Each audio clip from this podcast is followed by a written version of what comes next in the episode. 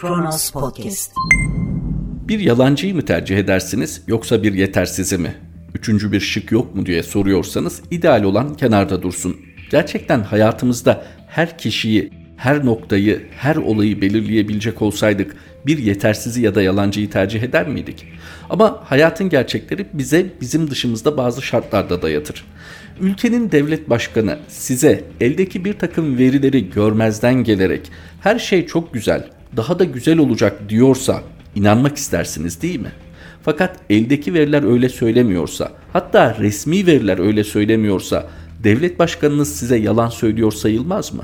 Acaba sadece moraliniz bozulmasın, hayata karşı gülümseyerek bakın diye iyi niyetinden mi bunları söylüyordur? Yoksa yaklaşan, hissettiği sona dair bir ön alma çabası mı? Her halükarda vicdan sahibi olanlar, ilkeli olanlar dürüst olan birini tercih ederler değil mi? Yani işler ne kadar kötü giderse gitsin olanca çıplaklığıyla bunları paylaşan ve çözüm yoluna kafa yoran biriyle olmak ister. Hayatının her safhasında bunu ister ilkeli biri. Fakat özelde benim durumum iyi, genelin hali ise pek umurumda değil diyorsa, yani vicdan ve ilke konusunda çok rahat bir tavır sergiliyorsa, devlet başkanının ne dediği pek de önemli değildir değil mi? Devlet başkanı, devlet başkanının çevresi ve devlet başkanının çevresi dolayısıyla elde ettiği kişisel çıkarlarının devamı için yalan söylenmesine de razı olur. Bu yalanın ortaya çıkarılmasından da rahatsız olur. Oysa tarih böyle bir gidişin düze çıkardığı bir ülkeden söz etmiyor.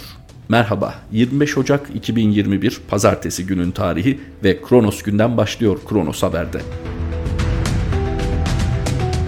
Erdoğan'a ekonomiyi damadından öğrenmişti, esnafı dostlarından.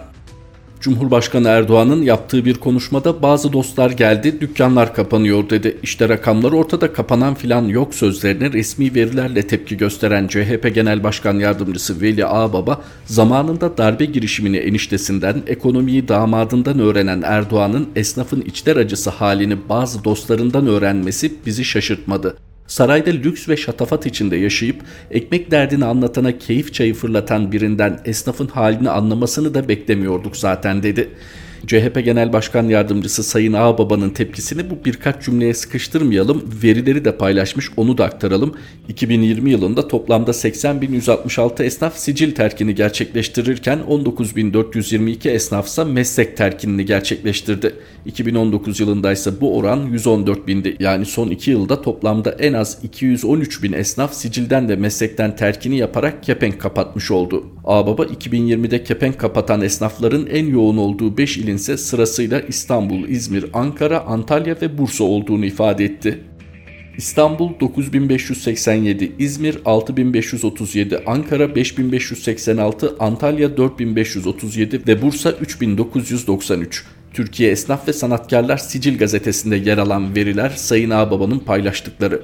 Peki sizce bu durumda Sayın Cumhurbaşkanı göz göre göre yalan mı söylüyor yoksa yanlış bilgilendirildiği için mi böyle konuşuyor? Sizce hangisi doğru olabilir?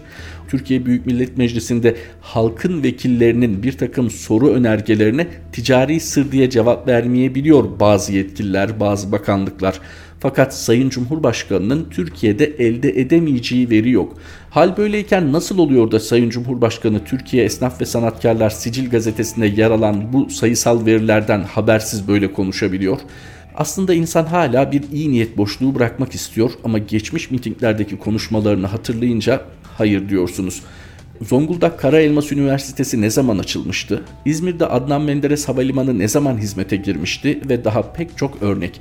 Bakın yanılabilirsiniz. Yanlış hatırlıyor olabilirsiniz. Hele irticalen konuşuyorsanız hafızanız sizi yanıltabilir, muhtemeldir. Fakat bunlar yazılıp çizildikten sonra çok zor değil. Yanlış hatırlamışım. Özür dilerim. Düzeltiyorum. İnsanı küçültmez. Fakat hayır. Sayın Cumhurbaşkanı yanılmaz, yanıltılmaz. Bir gün aldatıldığını, yanıltıldığını söylerse emin olun bir makas değişikliği için gerekiyordur. Yoksa şu ana kadar samimiyetle özür dilediği bir hatasına şahit oldunuz mu Cumhurbaşkanımızın? Olamazsınız. Neden? Bakın cevabı sıradaki başlıkta. Erdoğan sıradan bir lider değil. O aslında ellerimizi açtığımızda duamızdır. Cumhurbaşkanı ve AK Parti Genel Başkanı Erdoğan'ın canlı bağlantıyla katıldığı AK Parti Denizli 7. Olağan İl Kongresi'nde konuşan Genel Başkan Yardımcısı Mehmet Özhaseki, liderimiz sıradan bir lider değil dedi. Partimiz sıradan bir parti değil, liderimiz de sıradan bir lider değil. O aslında ellerimizi açtığımızda duamızdır. Secdeye vardığımızda gözyaşlarımızdır. Allah'a şükürler olsun biz de onun yol arkadaşlarıyız. Ne kadar şükretsek azdır. İdareci olup da eğer bu milletin derdi diyerek, bayrağı, vatan diyerek, bu milletin bölünmez bütünlüğü ve kalkınması diyerek bir insan ortaya çıkmıyorsa Allah onu başarılı etmesin. Bizler dertli insanlarız. Bir derdimiz var. 19 yıl önce Erdemliler Hareketi olarak başlattık. Bu 19 yıl içinde 18 yılımız iktidarda geçti. Bütün AK Parti ailesi başını dik tutabilir, her yerde alnı açık gezebilirler. İktidar olma ve hükümet etme bakımından gelmiş geçmiş bütün hükümetlerden başarılıyız. Kronos Haber devamında da kongreye dair ayrıntıları veriyor. Ama bana sorarsanız bundan sonra kongre dahil hiçbir şeyin kıymeti yok. Çünkü Sayın Özhaseki'yi duydunuz. Bakınız neler diyor Sayın Özhaseki. Liderimiz sıradan biri değil. AK Parti ile büyüyen gençler hatırlamaz ama AK Parti'nin ilk yıllarında hatta AK Parti henüz iktidar olmadan Sayın Recep Tayyip Erdoğan'ın şu cümlesini hatırlayacaktır yaşı uygun olanlar.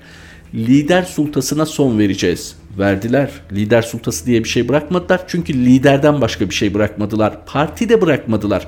Sizce şimdi gerçekten ortada bir Adalet ve Kalkınma Partisi var mı? Şu an Recep Tayyip Erdoğan dışında Adalet ve Kalkınma Partisi'nin varlığından söz edebilir misiniz? Ha edebiliriz. Nedir? Teşkilat. Başka hiçbir anlamı yok. Türkiye sattığında teşkilatlanması en iyi olan partiden bahsediyoruz sayısal veri itibarıyla. Gelin bu haberi de Sayın Davutoğlu'nun cümlelerine bağlayalım. Davutoğlu, Erdoğan 2002'deki AK Parti bugün olsa terörist ilan eder. Gelecek Partisi Genel Başkanı Ahmet Davutoğlu 2002'deki AK Parti'den eser kalmamıştır. 2002'nin AK Partisi bugün olsa Bahçeli kapatalım der, Erdoğan gayrimilli ve terörist ilan eder dedi. Haftalık basın toplantısında gündemi değerlendiren Davutoğlu %50 ile teslim ettikleri AK Parti'nin önce MHP'ye ipotek edildiğini ardından da Bahçeli vesayeti altına sokulduğunu öne sürdü. Eleştirilerini Bahçeli'nin ve diğer eski Türkiye artıklarının kuracakları ilk tuzakla da AK Parti'den geriye kalan ne varsa yok edilecektir sözleriyle sürdüren Davutoğlu şunları söyledi. Zaten 2002'deki AK Parti'den eser kalmamıştır.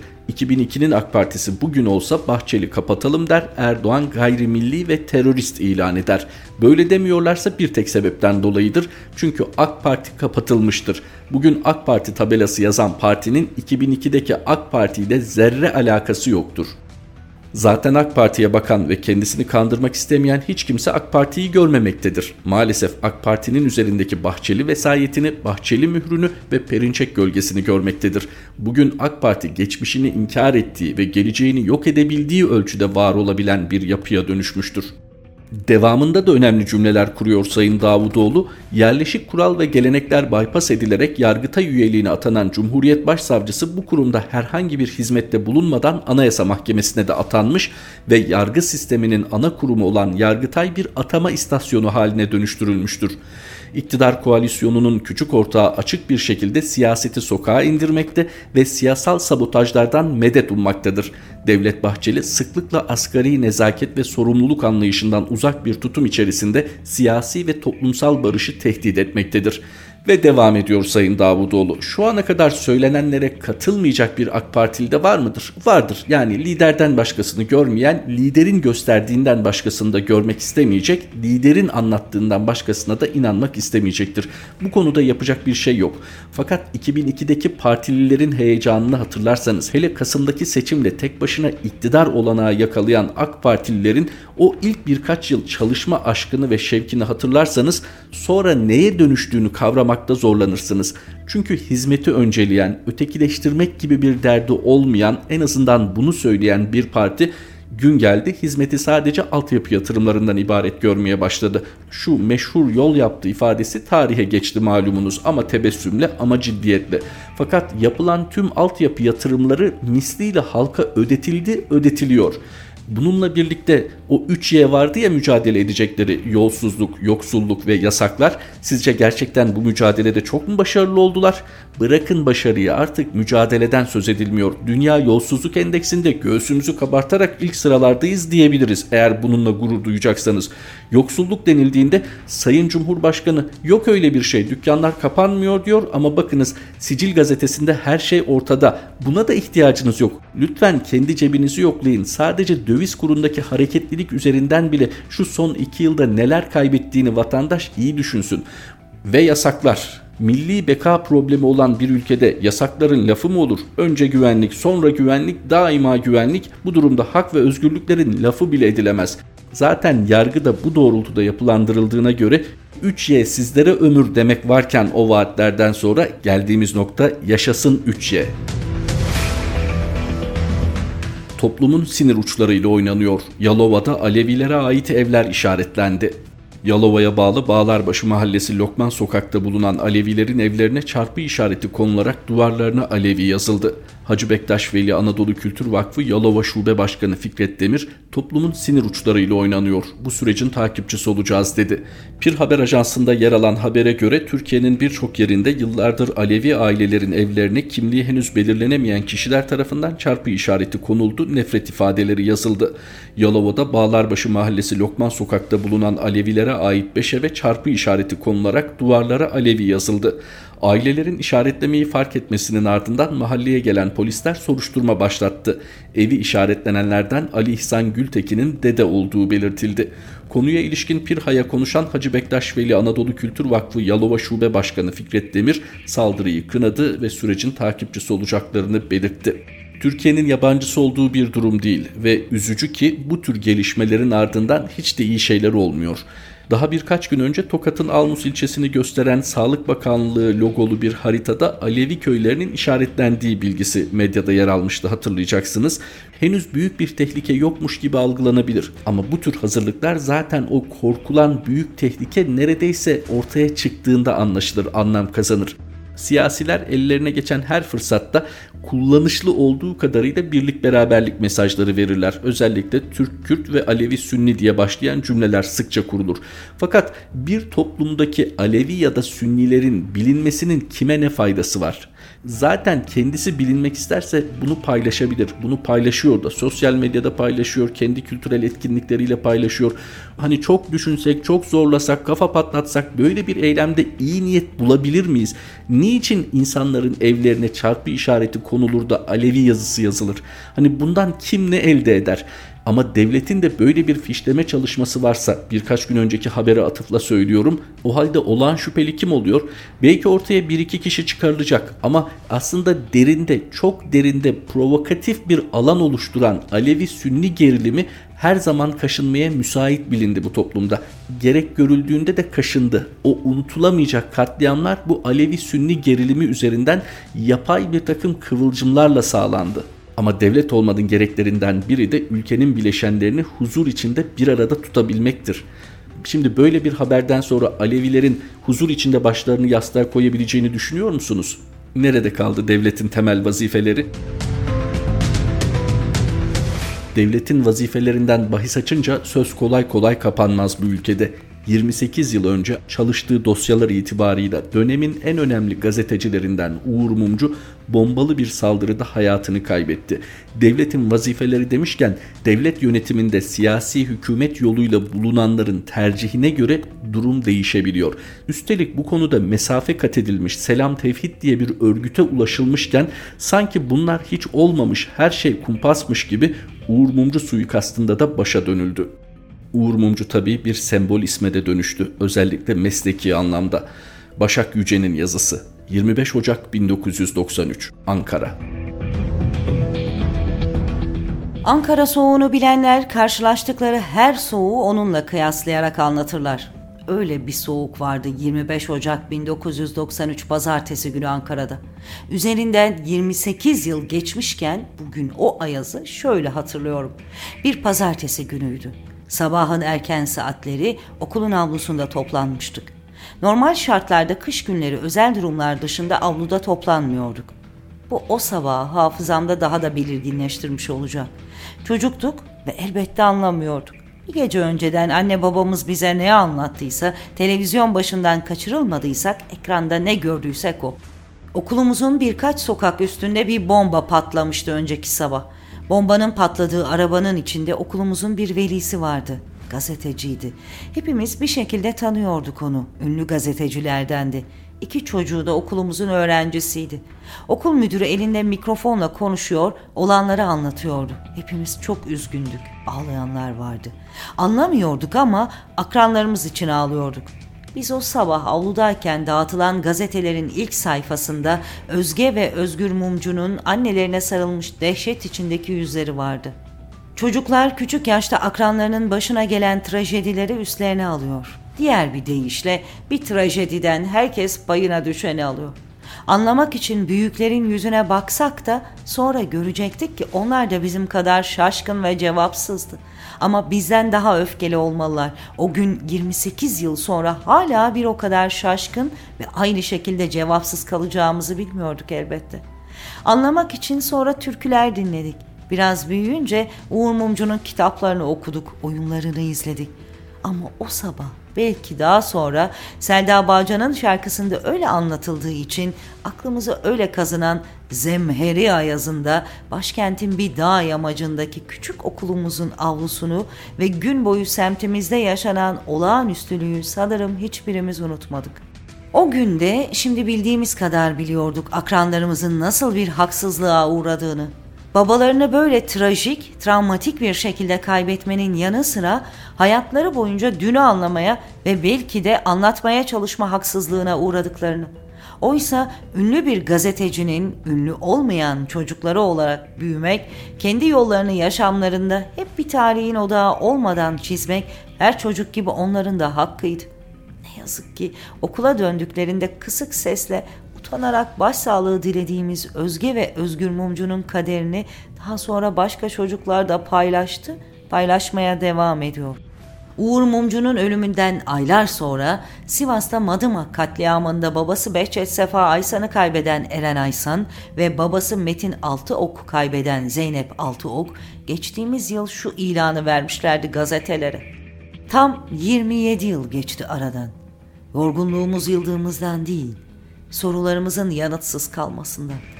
Hukukun başkent girişinde tufana yakalanmasından. Yine de biliyoruz ki bir yanı var ömrümüzün. Belki bir gün gülecek.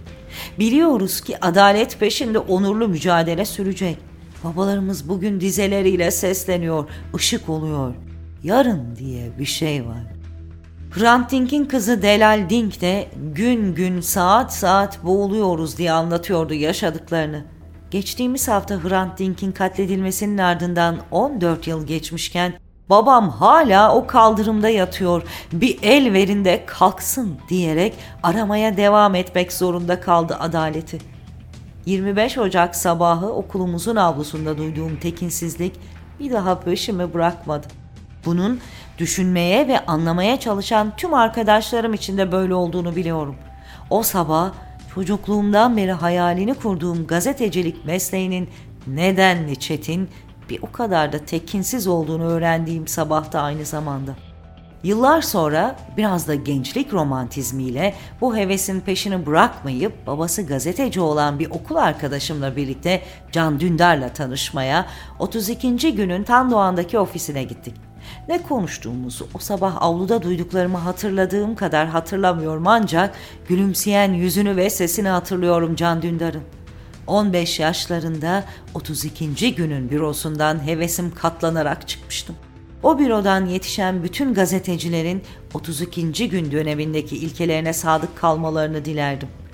Şimdi geriye dönüp gazetecilik hevesinin yeşerdiği o yıllara Ankara'ya baktığımda ve mesleğin üzerindeki romantizm havası artık dağılmışken Uğur Mumcu'nun temsil ettiği gazetecilik değerlerinin önemini daha iyi anlıyorum.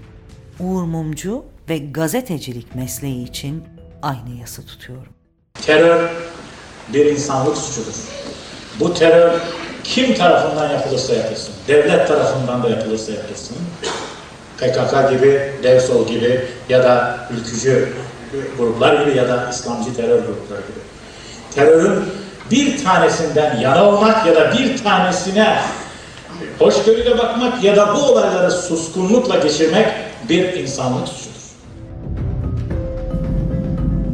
Uğur Mumcu'nun temsil ettiği gazetecilik değerlerinin önemini daha iyi anlıyorum diyen Başak Yüce imzalı satırlardı. Kronos gündemin sonuna geldik. Kronos Haber'de tekrar buluşmak üzere. Hoşçakalın. Kronos Podcast